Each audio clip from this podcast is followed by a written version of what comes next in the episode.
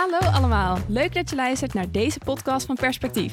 Ik ben Emily Timmer en ik zit hier vandaag met bestuurslid Pieter van Dalen, onze penningmeester. En met niemand minder dan Kars Veling, oud-fractieleider van de ChristenUnie. We spreken over de tijd voor het bestaan van de ChristenUnie, over het verschil tussen het GPV en de RPF en over hoe de partijen fuseerden tot ons prachtige ChristenUnie. Wat was de rol van Kars Veling? Hoe is het om fractieleider te worden van ineens een stuk bredere achterban? Een kleine geschiedenisles voor ons jongeren van het grotere verhaal van de ChristenUnie. Nou,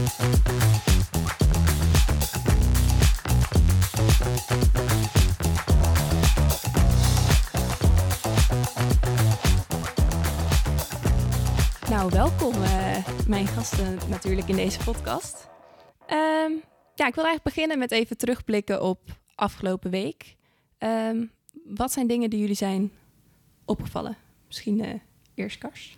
Ja, nou ja, de weken worden natuurlijk helemaal beheerst door het uh, nieuws uit Israël. En uh, toevallig was ik een dag of vijf in Berlijn. Ik was voor een reis met wat concerten en zo. En het was heel apart dat op zaterdagavond, nee, vrijdagavond was het toen was ik naar een concert en in de pauze daarvan gingen de gasten van het concert allemaal even naar buiten. En er was een uh, uh, festival van, van lichtjes gaande in Berlijn. Dat heb je in Amsterdam geloof ik ook. En dit was dan het projecteren van alle mogelijke beelden op gebouwen. Dat was ook naast die, die opera waar ik, waar ik was. En na afloop liep ik naar de Brandenburger Tor. En daar werd ook vertoond. En ik appte daarover met, met mijn kinderen. Even kijken wat hier uh, gaande is. En toen kreeg ik van mijn schoonzoon een appje terug met een beeld van die Brandenburger Tor. Waar de vlag van Israël op geprojecteerd was in licht. Misschien hebben jullie die beelden ook wel gezien, die waren in het nieuws. Ja. Nou, en sindsdien ja, denk je natuurlijk aan weinig anders. Tenminste, als het gaat om de actualiteit dan aan Israël en de die aanval van, van Hamas en die onmogelijke situatie die daar nu is ontstaan. Want hoe kun je oorlog voeren met een, uh, met een beweging die in zo'n dichtbevolkt hè, gebied als die Gazastrook ja. midden tussen de mensen daar zich begeeft en ook met opzet. kwetsbare plekken. Dat is uh, ongelooflijk. Ja. Uh, het is, is, niet voor te stellen hoe wat voor een verschrikkelijke ellende dat is en ook een wanhoop voor de mensen daar. Ja. Zeker. En de politieke reactie daarop, uh, die was al, al vrij snel. En, uh... ja, ja, en, ja, ja, en dan krijg je natuurlijk meteen ook weer gedoe. Hoe formuleer je het precies? Hè? Uh, die afschuw over die aanval van Hamas, die is algemeen. Maar is dit dan het moment om ook eens even wat breder te kijken? Misschien niet. Maar er is natuurlijk wel veel meer gaande. En, och man. En ja, je denkt dat is menselijkerwijs gesproken on, onmogelijk, hè? Ja. Ik, ik heb las ergens en dat, dat, dat moest ik wel eens aan denken. Je kunt hoop hebben, uh, en, maar daarvoor hoef je geen optimist te zijn. Nee. dit, je kunt mensen, die krijgen dat blijkbaar niet voor elkaar daar, hè, ja. om, om in vrede met elkaar te, te leven. En die vijandschap van, uh, van uh, Hamas en dat antisemitisme, dat natuurlijk ook overal nu weer de, de, de kop opsteekt. Het is verschrikkelijk. Ja, en ja. ik denk voor de luisteraar ook wel goed om te weten dat wij deze podcast op uh, vrijdagmiddag op, uh, opnemen. Ja. En uh, nou, hij komt iets later online, dus het zou zomaar kunnen dat er natuurlijk al het een en ander ja. aan ontwikkeling gebeurd is. Oh, de grondoffensief, dat lijkt er nu op dat dat zomaar zou kunnen ja. gebeuren. Dus die ontwikkelingen kennen wij nu nog niet, maar dat zou natuurlijk zomaar kunnen gebeuren. En dat is, daar kijken we ook wel met, ja, met grote angst misschien wel naar. Ja, ja. Ja. Um, ja, en Pieter, waren jou nog andere dingen misschien deze week opgevallen? Ja, nou, ik, ik uh, ieder zijn week is denk ik uh, inderdaad, uh, nou, denk overschaduwd. In ieder geval in mijn geval wel door, uh, door dat verschrikkelijke gebeurtenissen in Israël en in de Gazastrook. Um, maar wat mij opviel was de, wat, dat lampje ging pas wat later in de week bij mij branden, is dat er natuurlijk nog een ander conflict heel dichtbij uh, ook nog steeds afspeelt en ook nog doorgaat. En vorige week is er een verschrikkelijke aanslag geweest op een, uh, op een, uh, een dorpje in Oekraïne. en daarbij zijn al meer dan 50 mensen omgekomen. 50 mensen die naar een begrafenis van een, een militair gingen. Um, en daar is een bom opgevallen. En ik keek een item op Nieuwsuur daarover. En nou, ik, ik zat met tranen in mijn ogen te kijken, want het, dat waren gewoon, er was geen familie die nog niet geraakt was door die oorlog. Er was een man, zijn vrouw en twee kinderen kwijt. En nou, zo ging dat maar door. En nou ja, met de verschrikkingen van deze oorlog nu in Israël lijkt het er een beetje op dat die oorlog in Oekraïne nu wat vergeten wordt. Maar voor mij viel dus heel erg op dus dat ja, dat conflict in, in Israël dat overschaduwt. Maar dat we natuurlijk ook altijd nog. Het is verschrikkelijk dat de twee conflicten zich afspelen, maar dat we ook onze aandacht bij die oorlog uh, moeten houden. Ja. ja.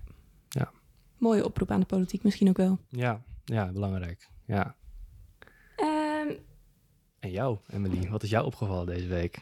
Ja, sowieso natuurlijk alles wat genoemd is. Um, iets dat een beetje op de achtergrond speelde, uh, maar misschien niet zo op de achtergrond voor de luisteraars, was dat natuurlijk op een gegeven moment ging ineens over de studieleningrente. Nu is dat voor mij als iemand die net is afgestudeerd iets minder relevant. Ik heb nog uh, leuk gebruik kunnen maken van de mogelijkheid om een maandje niet te lenen. Dat was een soort lifehack die studenten vorig jaar konden gebruiken. Een soort maas in de wet die mensen konden gebruiken vorig jaar om te zorgen dat ze minder rente zouden krijgen over de lening die ze tot nu toe hadden opgebouwd. Maar ik vond wel heel interessant wat er gebeurde eigenlijk. Um, ja, ik denk sowieso iets waar we als perspectief ook wel mee bezig moeten. Ook om uit te zoeken van wat kan er nou aan gedaan worden. Want ja, die rente, dat is eenmaal wettelijk vastgesteld wat hem wordt. Maar het is wel duidelijk dat de studenten niet goed zijn ingelicht. Van het is weer de pechgeneratie die ja, hieronder leidt. Zeker weer de pechgeneratie. Dus dat, uh, ja, iets interessants om in het oog te houden, denk ik. Ja, je krijgt een hele rare discussie dan. Hè? Want mensen die uh, met opzet niet of niet zoveel hebben geleend... en met bijntjes geprobeerd hebben het allemaal uh, voor elkaar te houden. die staan natuurlijk wat anders daarin dan uh, mensen die wel veel hebben geleend. En dat gaat soms om heel grote bedragen. Ja, het gaat dat, ja, ja, Een geneeskundestudent kan zo over 60.000 euro geleend. Het repareren daarvan is bedoel ik ook maar weer een ingewikkelde zaak. Hè? Dat kun je eigenlijk ook niet helemaal goed doen. Er is in Amerika ook een hele discussie gaande over het teruggeven van, uh, hè, van, van oh, leningen. En daar zijn de Republikeinen zijn daar tegen. En dat, dat is omdat, ja, dat is weer oneerlijk. Hè? Want de hardwerkende uh, werkstudent, zeg maar, die krijgt dan niks. En nou ja, je kunt je discussie voorstellen. Die gaat hij ook hier spelen. Ja, ja. absoluut. Ja. Klopt, super complex. Uh, eigenlijk hoe je dit goed kan oplossen. Maar ik denk wel in ieder geval een les voor de overheid om niet te veel beloftes te maken. Daar is denk ik al een uh, hoop misgegaan de afgelopen jaren. Ja, nou ja, het is natuurlijk ook een stukje, het is, uh, ook een stukje informatievoorziening van Duo, denk ik, ook die, die beter had gemoeten. Want als je heel ver in de krochten van Duo had gezocht, dan had je kunnen weten dat het eventueel kon dat die rente omhoog ging. Um, maar uitgaande van de gemiddelde student, ja, ik ben nooit verder gekomen dan op het, op, op het knopje klikken van uh, het OV aanvragen. ik heb nooit gekeken naar dat soort dingen. Dus laat ja, dat gaat ook om 17, 18-jarigen. Laat ik voor mezelf spreken. Ik had het nooit geweten. Heb je um, schulden gemaakt? Ik, nee, ik heb nog, oh. nog geen schulden gemaakt. Nee, nee, nee, maar dat heb ik denk ik Dat is voor jou ook niet dus? Uh, nou ja, ik heb zeker wel schulden gemaakt. Maar uh, ik heb dus vorig jaar een maand niet geleend, waardoor de, het grootste deel van mijn schulden onder de oude rente vallen. Dus oh, alleen over het afgelopen oude rente jaar. die, ja. Ja, ja dus... ja als, ik, als ik denk, ik uh, studeerde in de tweede helft van de jaren zestig. En op dat moment was studeren eigenlijk uh, helemaal, uh, helemaal gratis. Ja. Oh. Er was eigenlijk geen collegegeld en zo. Dat waren echt een hele andere tijden. ja, een andere tijd, ja. ja. ja. Deden mensen ook nog wel iets langer over het studeren, volgens mij. Ja, misschien wel, ja. Ja, ja die, die druk die was wat minder groot, ja. Dat, uh, dat, dat klopt wel. Ja. ja, interessant eigenlijk wel. Maar uh, ja, dan is het nu tijd om uh, naar eigenlijk het eigenlijke thema van deze podcast misschien wel te gaan. En daarvoor gaan we wat verder terug in de tijd. Namelijk nog voordat Pieter en ik überhaupt geboren waren.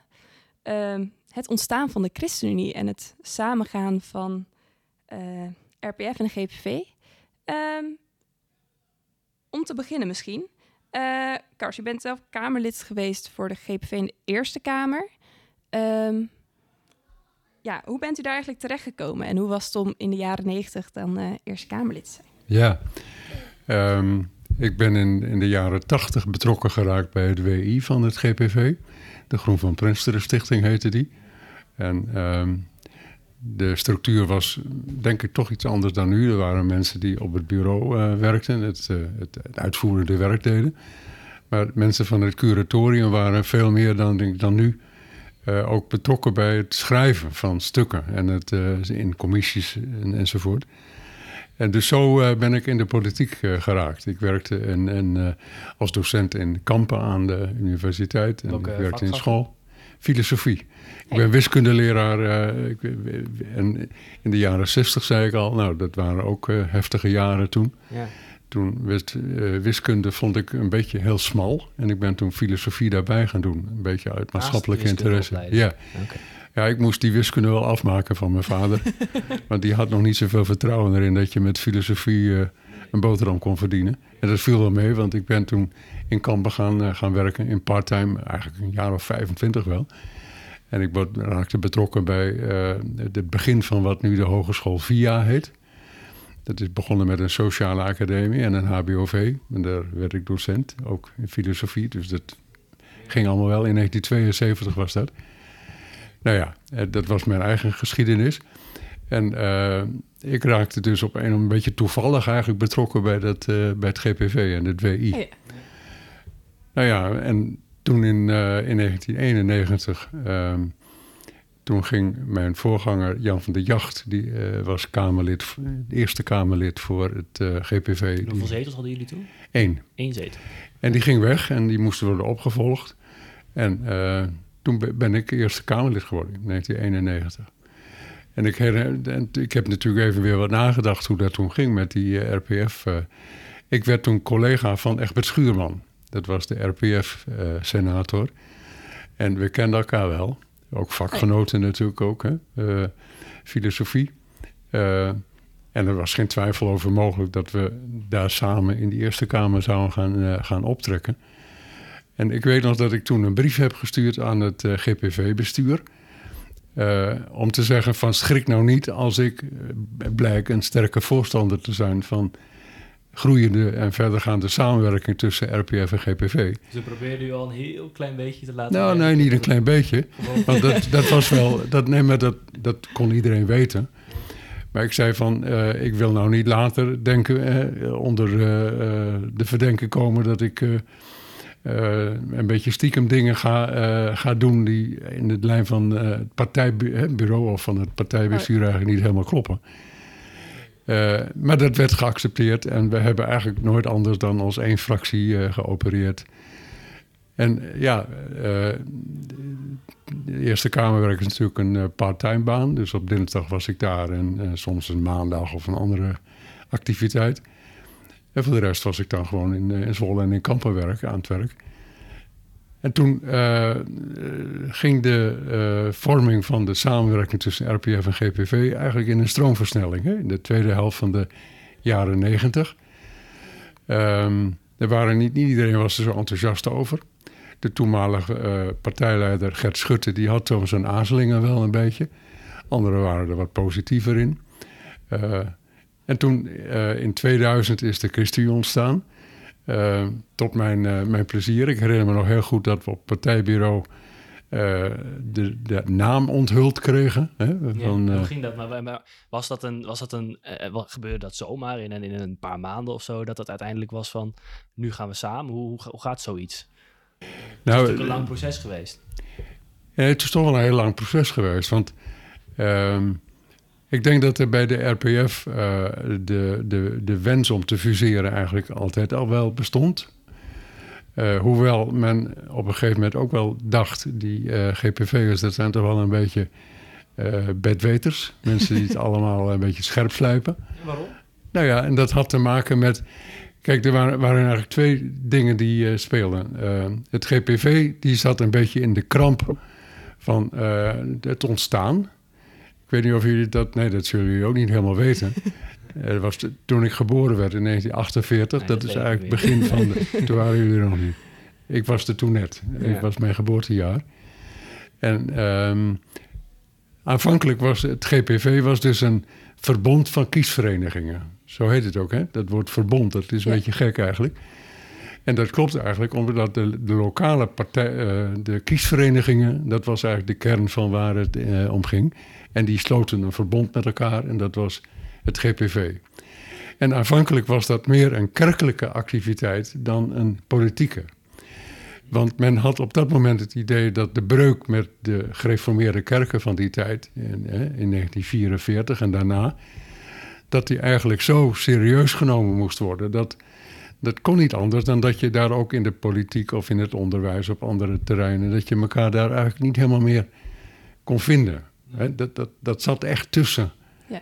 de, de, de vrijgemaakten en, en degene die nog in de gereformeerde kerken waren gebleven. En dat betekende dus dat aanvankelijk, even wat, het, uh, wat de politiek betreft, men eigenlijk ook geen politiek programma wilde. Ja, dat, dat, is heel apart natuurlijk, dat je een partij hebt die eigenlijk geen programma heeft. Men vond, nee, je was lid van de kerk en je was een kind van God en je wilde God dienen. En dat betekende dat je in de politiek natuurlijk ook je eigen weg ging. En dat dat, dat niet samen kon met anderen, ja, dat was eigenlijk als uh, politieke partijorganisatie principe was dat eigenlijk voldoende. En dan ging je, ja, je ging geen. Want het, het risico vond men toen. Als je een partijprogramma ging maken, ja, dan werd dat misschien weer iets waarop je ging baseren. Terwijl de kerkelijke kwesties, die waren eigenlijk veel belangrijker. Ja. Maar goed, dat is wel veranderd in de loop van de tijd. Zeggen, inderdaad, ja. Want als je daar nu over begint, dan ja. Nee, maar dat is eigenlijk begonnen uh, bij Bart Verbrug. Ik weet niet, daarom, die zeg je misschien iets. Dat is ook een van de GPV'ers.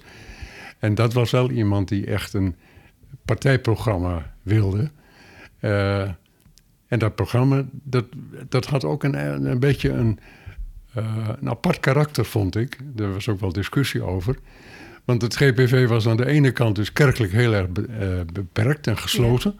En aan de andere kant was het uh, wat de politiek betreft, en dat was onder leiding van Verbrug en van anderen, was het wel een partij die eh, altijd dacht vanuit het publieke belang. Die wilde dan niet een uh, belangenbehartiger van de vrijgemaakte zijn, of van christenen zijn, maar die wilde een visie op de wereld en op uh, hoe het met de, met de samenleving moest in de breedte. Nou ja, en zo in die tijd, uh, ik heb Verbrug nog meegemaakt in in het WI van het GPV destijds. Ik heb het ontstaan van zijn boeken meegemaakt. Ook over de hoofdstukken met elkaar hebben we erover gepraat. Dus, en toen uh, werd kenmerkend, vooral onder uh, Bart Schutte. Nee, Bart zeg ik. dat is geloof ik een bekende naam in, in jullie kring. Mm, nou ja, goed. Nee. Gert Schutte moet ik zeggen. Oké, ja. dat was de partijleider na Verbrug.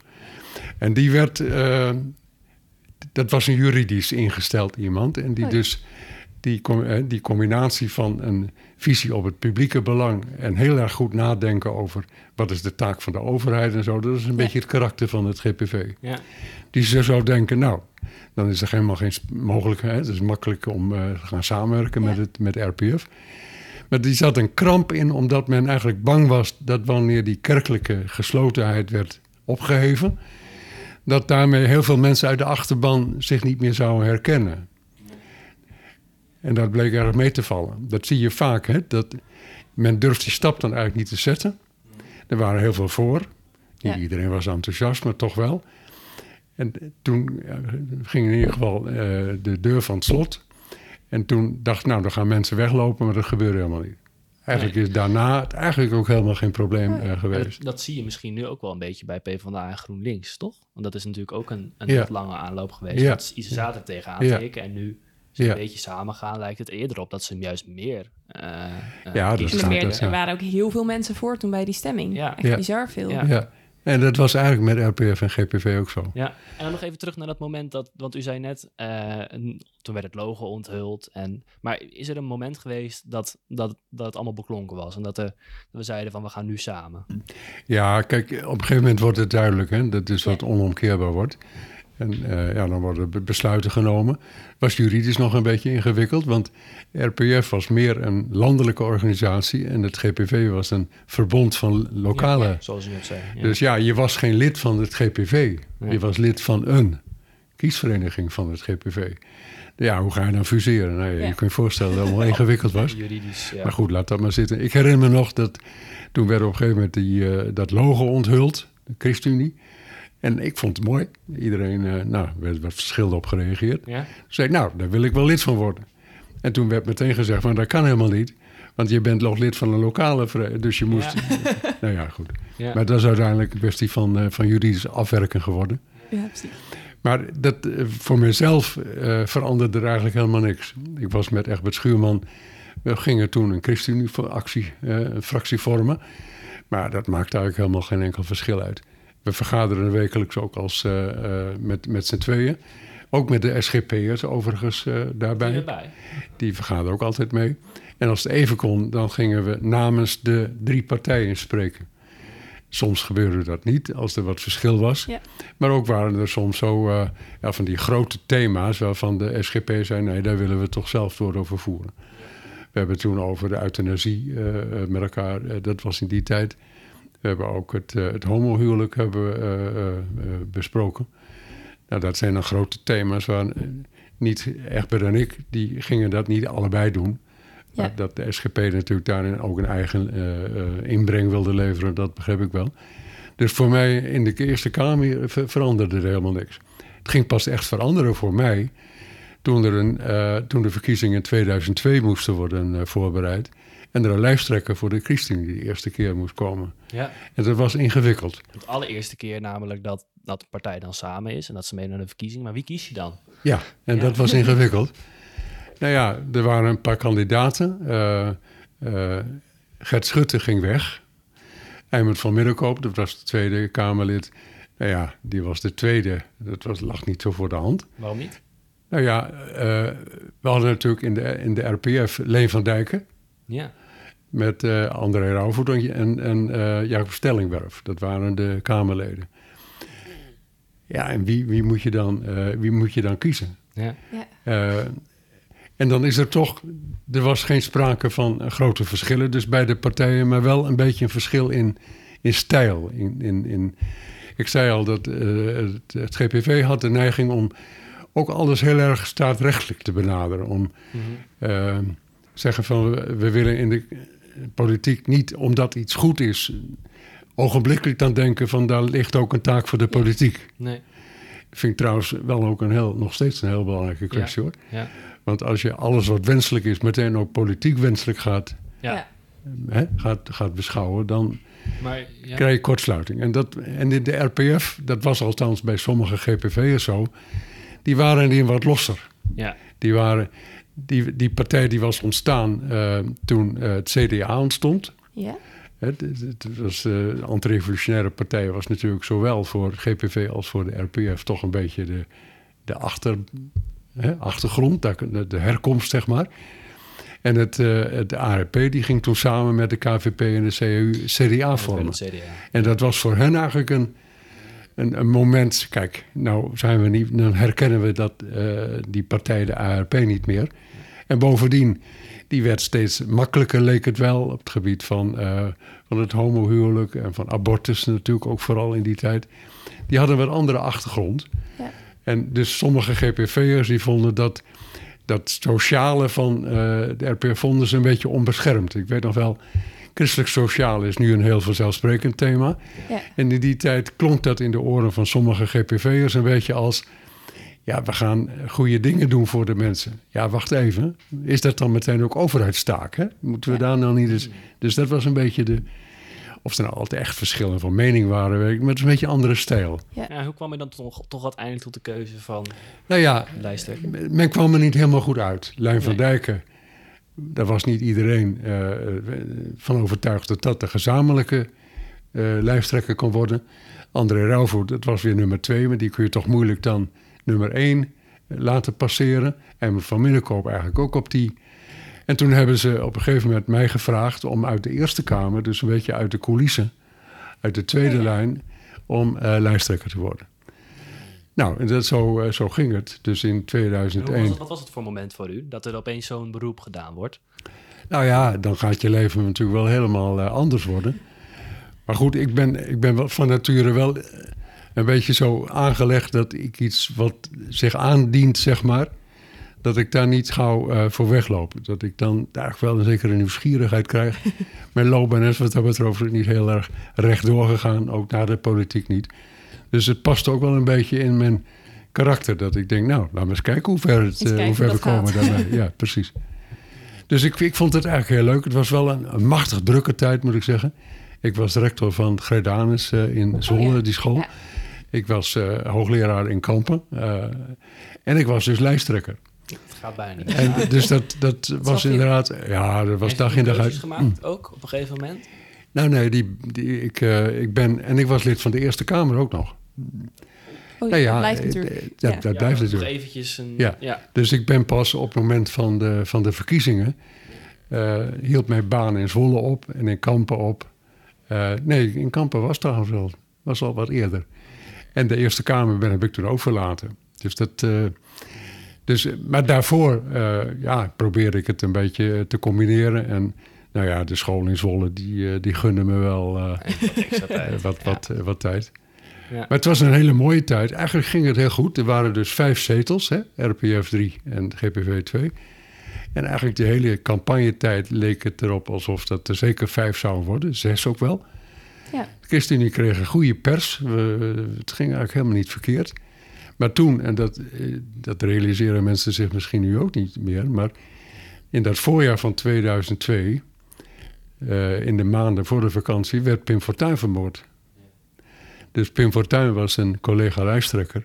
Ja. En ik herinner me nog als de dag van gisteren. Ik was toen in een verkiezingsuitzending in Kampen, de lokale radio, op die avond dat het bericht kwam en ik hoorde dat dus al via de, de omroep daar, dat Pim Fortuyn was neergeschoten op het uh, Mediapark in, uh, in Hilversum.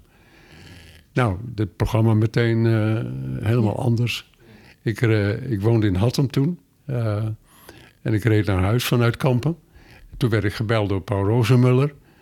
En we zeiden van, ja, wat moeten we nou? We moeten toch met elkaar maar elkaar opzoeken en kijken, wat betekent dit allemaal? Dus ik ben toen naar, uh, naar Den Haag gereden.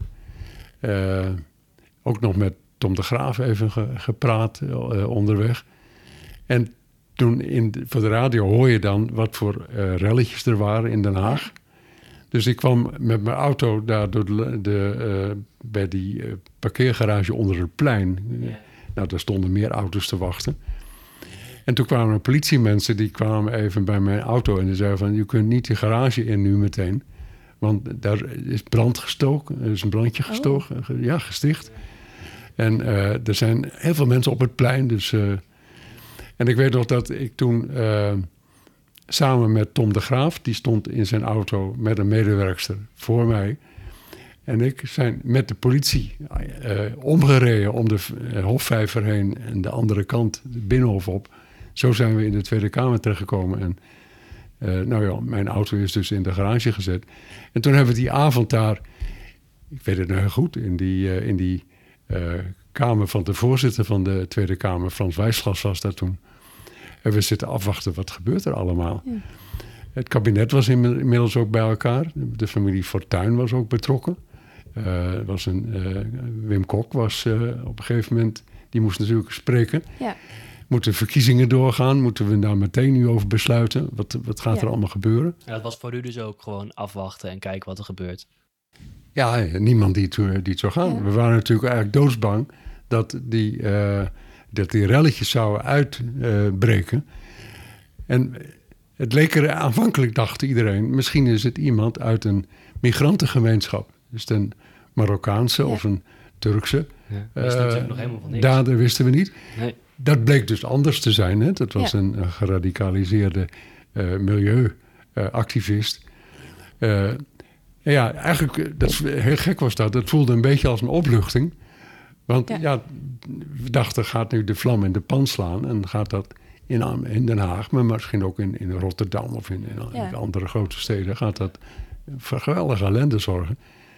Dus uh, uiteindelijk mochten we naar huis, maar alleen met uh, beveiliging. En we, ik ben uh, toen ook een paar weken, net als andere lijfstrekkers, beveiliging. Het lijkt me ook wel een soort angstige tijd dan om op die manier dan een, een fractieleider te worden. In, en campagne te voeren. En campagne te voeren, inderdaad. Ja, dat was een hele raar. Want eigenlijk zou die campagne, die zou dus ook op een laag pitje.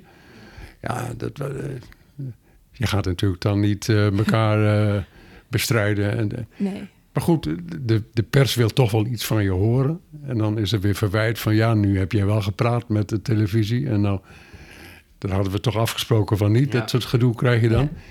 Eh, maar het was inderdaad heel onwezenlijk allemaal. Uh, Nou ja, en dat, dat duurde eigenlijk tot aan de, uh, de verkiezingen. We hebben samen de begrafenis van Pim Fortuyn, of die dienst in de, in de kerk daar in, in Rotterdam meegemaakt. Met al die mensen op straat. En. Heel onwezenlijk was dat allemaal. Een realistisch gevoel? Ja, heel gek. Heel apart. Nou ja, en die verkiezingen, die, die waren dus voor de, de ChristenUnie... Um, een tegenvaller, omdat er werden vier zetels in plaats. Ja. Dus geen zes, waar iedereen een beetje op hoopte. ja. Zelfs geen vijf, en vier derde ja. vier. En het CDA, dat was eigenlijk de enige partij toen... die uh, de lijst van Pim Fortuyn, die heette LPF, lijst Pim Fortuyn... hoewel Pim Fortuyn er dus niet meer was. Uh, en heel groot werd. CDA was eigenlijk de enige partij die zei van nou, we, ja, wij sluiten niet uit dat we met uh, de LPF gaan samenwerken. En die hebben ook samen een kabinet gevormd. Een tijdje. Ja. En het CDA, ik denk dat dat een belangrijke factor toen eigenlijk was, die verkiezingen. Dat leek voor ook mensen die anders misschien uh, de ChristenUnie zouden hebben gestemd, leek toch een, een veilige, stabiele, bekende club. Uh, hè? Ik denk dat dat de ChristenUnie wel ja. pad heeft gespeeld. Maar goed, voor mij persoonlijk was het toch wel een, een grote teleurstelling. We hadden een anderhalf jaar ja. ons best gedaan en dan loopt het zo uit. Dus was, ik vond het wel... Ook, ook iets waar je weinig ja. invloed op uit kan oefenen eigenlijk. Een beetje buiten je macht.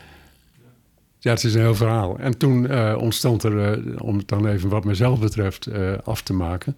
toen ontstond er natuurlijk ook meteen gedoe. en het, dat was misschien allemaal weer bedaard en dan was het allemaal weer anders gelopen... Maar het kabinet van CDA en LPF viel al in dat najaar.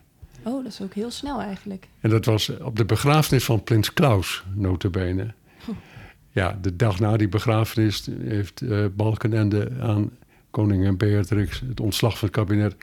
Natuurlijk ook uh, allemaal gekke timing. Ja. En wat nooit gebeurt eigenlijk, is dat er werd toe besloten nieuwe verkiezingen te gaan uitschrijven. Dus niet uh, uh, dus dat was al binnen een half jaar na de verkiezingen zouden er opnieuw verkiezingen worden uitgeschreven. Ja, als er zo'n ja, als er zijn ja, ja, en die, en die, waar je niet meer mee samen kan werken, dan wordt het natuurlijk nog lastig om nog een meerderheid te vinden. In die zin. En ze zullen natuurlijk ook gedacht hebben, ja, de LPF gaat nooit meer zo groot worden als dat het nu is. Ja, dat was natuurlijk ook de gedachte. Nou ja, en binnen het, uh, de ChristenUnie was een beetje gedoe van hebben we het wel goed genoeg gedaan. En dat is natuurlijk de lijsttrekker krijgt natuurlijk ook altijd uh, van alles voor ze kiezen. En ik had het op dat moment uh, niet, niet, niet, makkelijk. Ik vond het ontzettend zwaar. Ook de fractie moest krimpen. En ja. nou, er was van alles gaande. Dus, uh, en toen uh, moesten er dan nieuwe verkiezingen worden voorbereid, al in het najaar. En toen besloot het bestuur van de ChristenUnie om een andere lijsttrekker te zoeken. Dat werd André Rauwvoet. En dat was voor mij een reden om te zeggen: Nou ja, als het dan zo gaat, dan, dan is voor mij dit einde oefening. Ik had dus ook geen zin om wel op de lijst en dan oh, daar nog weer over. Want er ontstond ook binnen de ChristenUnie een, een beetje een gedoe over... Uh, kan dat zomaar? Ik kreeg ook adhesiebetuigingen waar mensen die wilden een actiegroep vormen. En van, nou, daar heb ik uh, niet aan mee willen doen. Dat is geloof ik ook helemaal tot niks uit, op niks uitgelopen. En toen ben ik in november, toen ik dus wist wie op de lijst zou komen in, voor de nieuwe verkiezingen... Uh, en daar Arie Slop daar op een verkiesbare plek stond, toen ben ik uh, uh, teruggetreden. Want als ik uit de Kamer zou gaan, zou Arie Slop mij moeten opvolgen. Ja. Ik zei, ik ga hem dat niet aandoen als hij dan straks niet... Dus ik heb gewacht tot de, kies, de, de lijst bekend was. En toen heb ik mijn ontslag genomen, oh. ben ik uit de Kamer gegaan. Eigenlijk met een soort hart voor de ChristenUnie dus, toch? Nou ja, uh, ik had geen zin om de boel uh, moeilijker te maken dan die toch al was. Ja. ja. Uh, en nee hoor, dat was voor mij ook... Tuurlijk was dat een teleurstelling, want... Ik, ik, nou, ik was uit de Eerste Kamer gegaan. Ja. Ik had die baan in Zwolle opgezegd. Ik was verhuisd naar Delft. Want je kunt vanuit, ja. vanuit Hattem. Dus dat waren allemaal stappen. En dan zit je ineens om je heen te kijken. En wat nu? Ja. Gelukkig uh, kon ik al heel snel in het voorjaar aan de slag uh, in die uh, school in Den Haag. Johan de Wit College in de oh, ja. Schilderschool. in de Schilderswijk. En daar mooie jaren heb ik daar in het onderwijs nog weer gewerkt. Mijn laatste baan was bij ProDemos. Bij, oh, prachtig. Die, ja. ik heb dus de eerste directeur van ProDemos geworden. Dus al die dingen waren niet gebeurd als ik niet in Delft was gaan wonen. Want ja, je gaat vanuit Delft dan kijken wat is nu verder te doen. Maar voor mij was politiek daarmee eigenlijk dus uh, het avontuur uh, afgelopen. Ja. ja. En ze mag nog een vraag stellen? Ja, tuurlijk. Ehm, als ik kijk naar de, de politiek nu, dan is de politiek misschien meer ingericht op het individu. Dus de lijsttrekker of de mensen die daadwerkelijk in de Kamer zitten. Die zijn soms nog wel belangrijker dan het verhaal zelf. Ik denk dat als je naar de BBB kijkt, dat die eigenlijk groot is geworden door bijvoorbeeld hun lijsttrekker. En bij uh, eh, NSC, lijst van omzicht, ja, dat komt natuurlijk op hetzelfde ja. neer. Terwijl vroeger was de ideologie of het verhaal van de partij misschien ook gebonden aan een zeil, uh, om het zo te zeggen. Maar die was veel belangrijker. Ja. En denkt u dan, dat is een verschil. Wat zijn we nu beter af? Of, of, of, zijn er dingen die de politiek van, van, van nu kan leren van de politiek van toen? Ja, nou ja, de, uh, die verzuiling, hè, die was natuurlijk eh, in, in het jaar 2002 was die natuurlijk ook al verregaand uh, ja, vervaagd, zal ik maar zeggen. En was, was dan de moord, van, Pim, is, was de moord van Pim Fortuyn dan een soort van laatste slag om die verzuiling definitief nou, een soort om te doen? Dat vergeten we nu wel eens. D66 lijkt nu ook een gevestigde partij. Maar in 1966 was dat de partij die die verzuiling wilde doorbreken. Want in die, daarvoor eigenlijk was hè, de grote partijen, uh, drie christelijke partijen, uh, de Partij van de Arbeid, de VVD, dat waren toch de grote partijen die ja. afwisselend, en het was met CDA eigenlijk ook nog zo. Uh, dus, maar toen werd daar eigenlijk al veel, toen ontstond GroenLinks, de SP hè, en D66 zoals ik zei. En die wilden juist die, die, die verzuiling doorbreken. Ja. Pim Fortuyn is eigenlijk de eerste geweest. Dat was met Hans van Mierlo met D66 eigenlijk ook al een beetje zo. Was ook een charismatische persoon. Dat is ook echt heel... Je hebt dat trouwens met D66 ook gezien. Hè? Die is op en af gegaan. Die is bijna weg geweest een paar keer. En die vonden dan toch weer met Jan Terlouw of weet je, weer mensen die dat... Die waren toch, toch ook wel heel belangrijk. Ja. Dus op zichzelf is dat niet zo nieuw. Maar wat ik wel, uh, dat is wel een verschil, dat er uh, in de loop van de tijd uh, meer deelbelangen of boosheid of sentimenten belangrijk werden. En kwam dat met belangen? Dat misschien, om het samen te vatten, populisme wat meer op, zeg maar? Nou, je kunt Pim Fortuyn wel een populist noemen, maar het was wel iemand die een idee had. Die, ja. Ja, in de zin van kwam hij met een soort. Eh, want hij, hij probeerde zeg maar de, de boosheid die er heerste onder het volk, probeerde die een stem te geven, zeg maar. Ja, ja. Als we dat dan onder populisme scharen, zeg maar. Nou, dat, dat was niet zozeer het populistische, vond ik. Hij, uh, waar Pim Fortuyn voor opkwam, en daar had hij echt iets te pakken, wat op dat moment voor iedereen anders eigenlijk heel lastig was.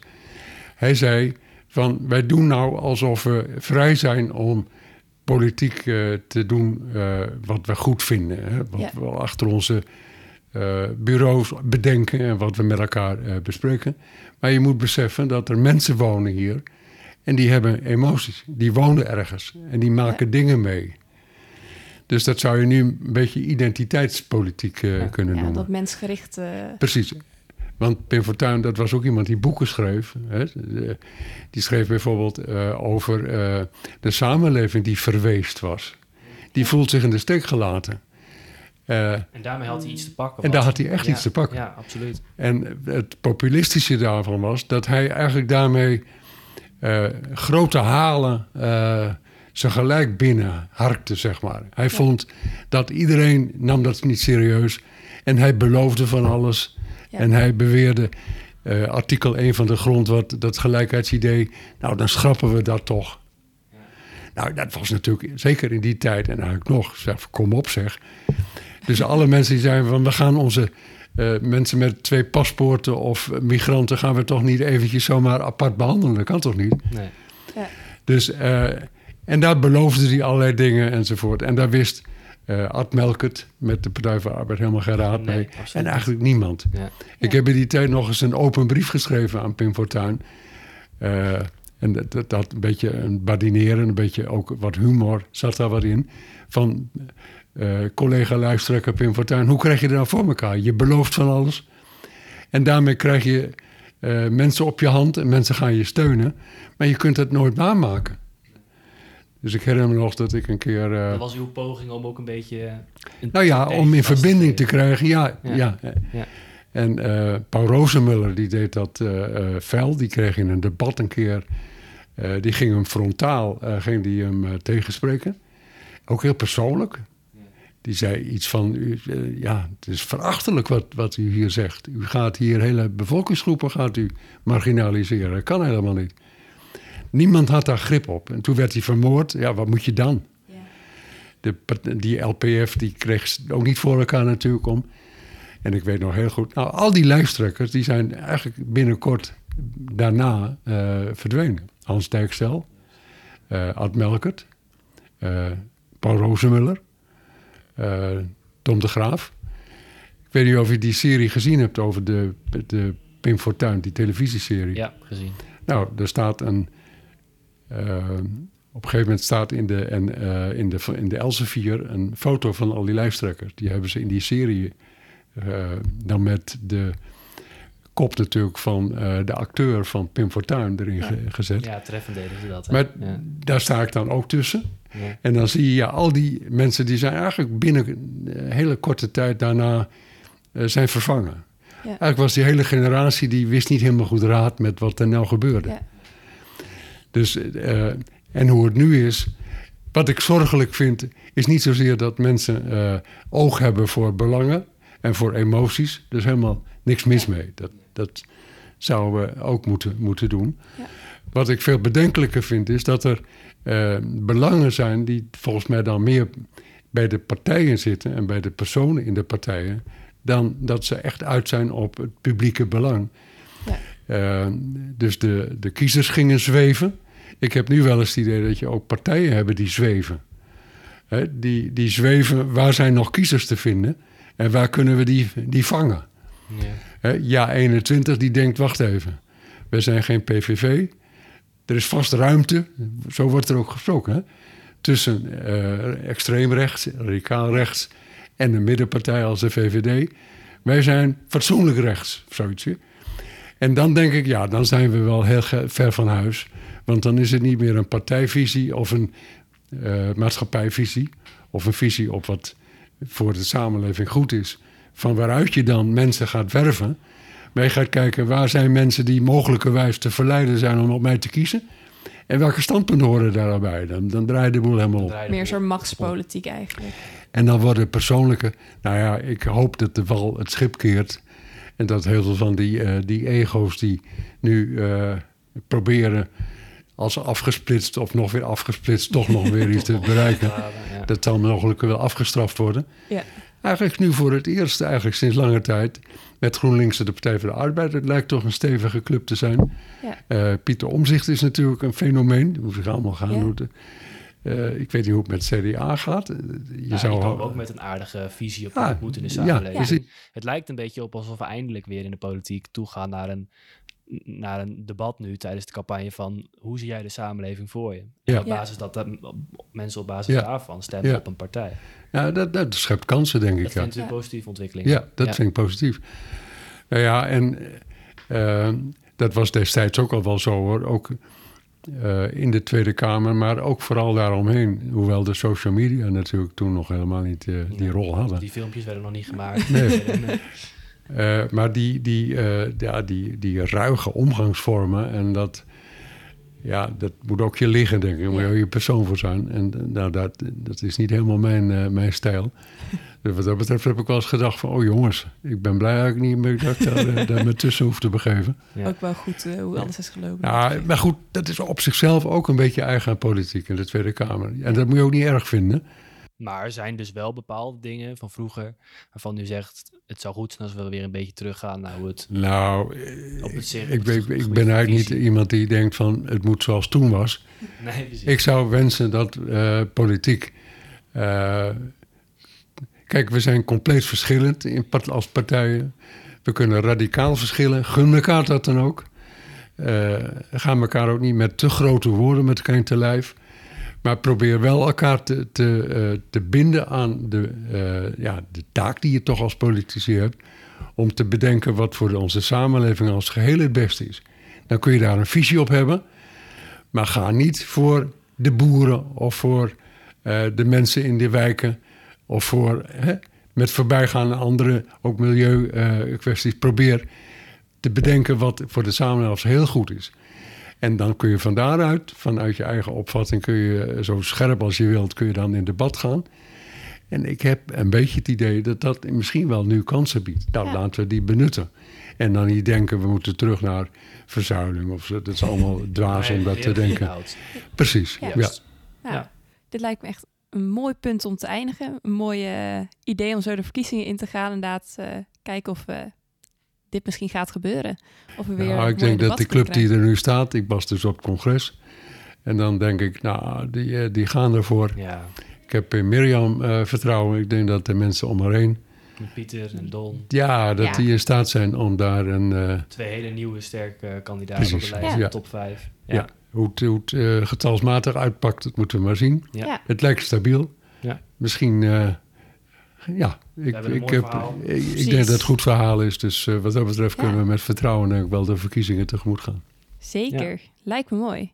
Nou, heel erg hartelijk bedankt dat u eh, bij ons wilde komen bij deze podcast. Inspirerend. Inspirerend inderdaad en ook fijn eh, om zo een beetje meer te leren over de geschiedenis van de ChristenUnie en dat ook mee te nemen voor de verkiezingen. Ja. En dan, eh, ja, iedereen ook bedankt voor het luisteren en dan lijkt me dit een mooi einde. Dankjewel.